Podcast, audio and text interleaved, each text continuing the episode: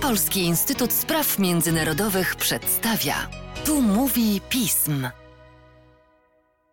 Tu mówi pism. Przy mikrofonie Mateusz Józwiak, a wraz ze mną Anna Maria Dyner, analityczka oraz ekspertka Polskiego Instytutu Spraw Międzynarodowych do spraw Rosji i Białorusi. Cześć Aniu, dzień dobry Państwu. Cześć Mateuszu, dzień dobry. Dosłownie kilka dni temu mieliśmy okazję świętować wspólnie z naszymi bliskimi, z naszą rodziną, w naszych domach święta Bożego Narodzenia. Dokładnie w tym tygodniu taką samą okazję będą miały osoby wyznania prawosławnego. A jak święta, to czas do refleksji. Refleksji nad tym, co nas otacza, nad naszym życiem. I taka refleksja wśród wyznania prawosławnego, zwłaszcza w kontekście wojny na Ukrainie, no, myślę, że nabiera bardzo szczególnego charakteru.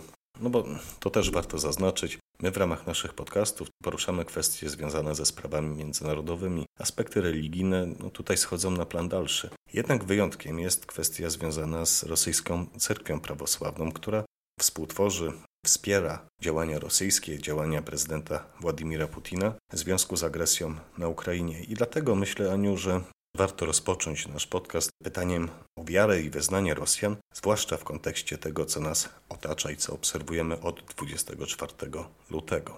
Dzięki Mateuszu za to pytanie. Rosyjska cerkiew prawosławna odgrywa w Rosji bardzo specyficzną rolę, tak samo jak prawosławie odgrywa w Rosji bardzo specyficzną rolę. E, ideologiczną na pewno, nie tylko religijną. E, chociaż sondaż w CIOMU, czyli Państwowego Ośrodka Badań z 2021 roku mówi, że około 66% dorosłych Rosjan identyfikuje się jako prawosławni. Wokół prawosławia została osnuta idea rosyjskiego świata, ruskiego miru. Do tego dołożono oczywiście język rosyjski, kulturę rosyjską, które mają oddziaływać na państwa ościenne. I to jest jeden element. I drugi element, że chrześcijaństwo w wydaniu prawosławnym z buddyzmem, e, islamem i judaizmem są czterema tradycyjnymi e, religiami w Rosji. I to jest jeden element. Drugi element jest związany z samą rosyjską cerkwią prawosławną, która i w Imperium Rosyjskim, i we współczesnej Rosji odgrywa bardzo istotną rolę jako, nazwijmy to, religijne ramię Kremla. Rosyjska cerkiew prawosławna jest e, wykorzystywana w kontaktach zagranicznych, ale też jest wykorzystywana jako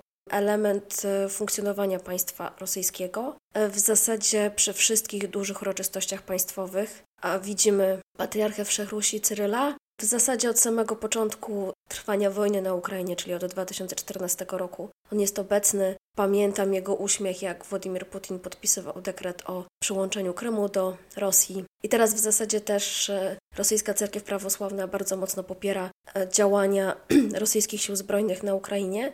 Co ciekawe, w związku z wojną doszło do rozłamu w cerkwi ukraińskiej Patriarchatu Moskiewskiego, bo do samego rozłamu w cerkwi ukraińskiej doszło już dość dawno e, i o tym choćby Marysia Piechowska mówiła.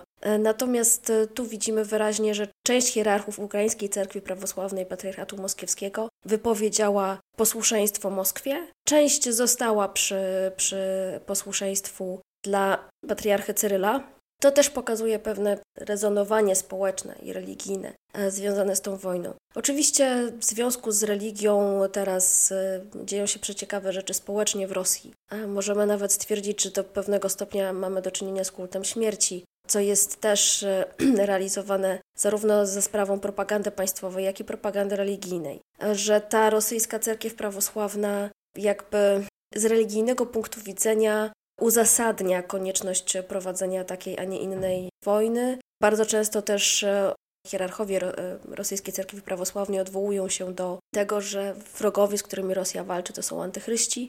Więc to wszystko też jest wplatane w taki sos religijny, który jest przedziwnym sosem, dlatego że z prawosławiem zawsze był też pewien kłopot, to znaczy w zasadzie od, e, może nie od początku jego funkcjonowania, ale e, przez długie, długie stulecia w ramach prawosławia urodziło się mnóstwo sekt prawosławnych. Najciekawszą są chłyści. Oczywiście doszło też do rozłamu na staroobrzędowców i tradycjonalistów, powiedzmy obecnie.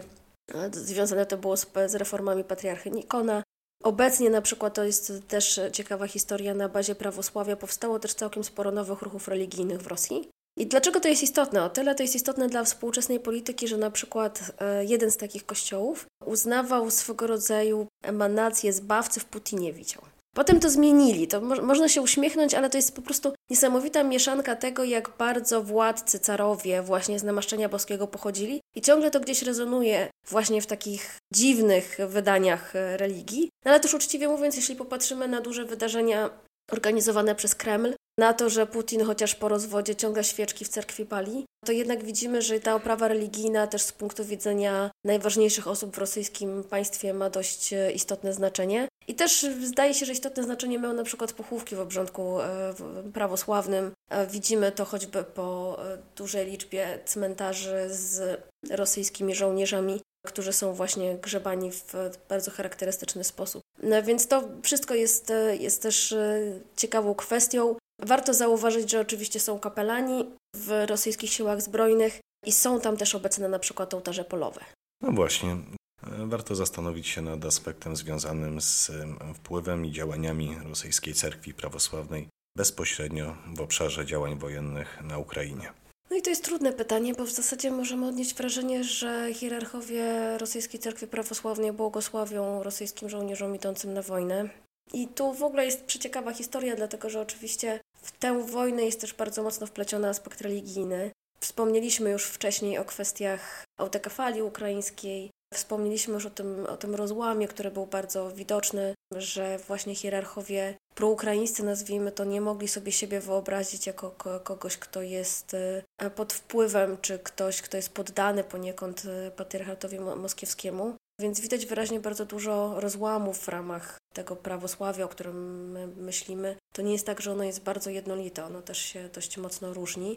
Co ciekawe jeszcze, jeżeli patrzymy na, e, na te aspekty, to widać, że na przykład Służba Bezpieczeństwa Ukrainy podejrzewała sporo cerkwi, właśnie tych, które jeszcze należały do patriarchatu moskiewskiego, o to, że były rozsadnikiem tego rosyjskiego świata, że na przykład przyczyniał się do szpiegostwa na rzecz Rosji. Podawano też informacje o materiałach propagandowych, czy nawet składowaniu amunicji i elementów uzbrojenia. Dokładnie tak. I to jest, to jest kolejny element. Oczywiście odrębną kwestią jest tutaj coś, co zawsze napawa smutkiem, to znaczy w trakcie tej wojny oczywiście celami stało się wiele obiektów kultury religijnego, również tych, które naprawdę miały znaczenie dla światowego dziedzictwa kulturowego, więc to jest kolejny element. Natomiast e, znów e, nie przypominam sobie sytuacji, w której którekolwiek hierarcha rosyjskiej cerkwi prawosławnej zaprotestowałby przeciwko wojnie, przeciwko temu, co się dzieje, przeciwko zabijaniu Ukraińców, przeciwko w zasadzie bratobójczej walce, tak, z ich punktu widzenia. Zresztą nawet Władimir Putin w trakcie y, ostatnich swoich wystąpień zaczął mówić, że, on zawsze uważał Ukrainę za bratni naród. No więc trochę to do konceptu w, w tej wojny zupełnie, zupełnie nie pasuje. I to też w zasadzie jest e, poniekąd e, smutne, że w tym kontekście hierarchowie są absolutnie częścią i propagandy rosyjskiej, a i rosyjskiej machiny państwowej, po prostu.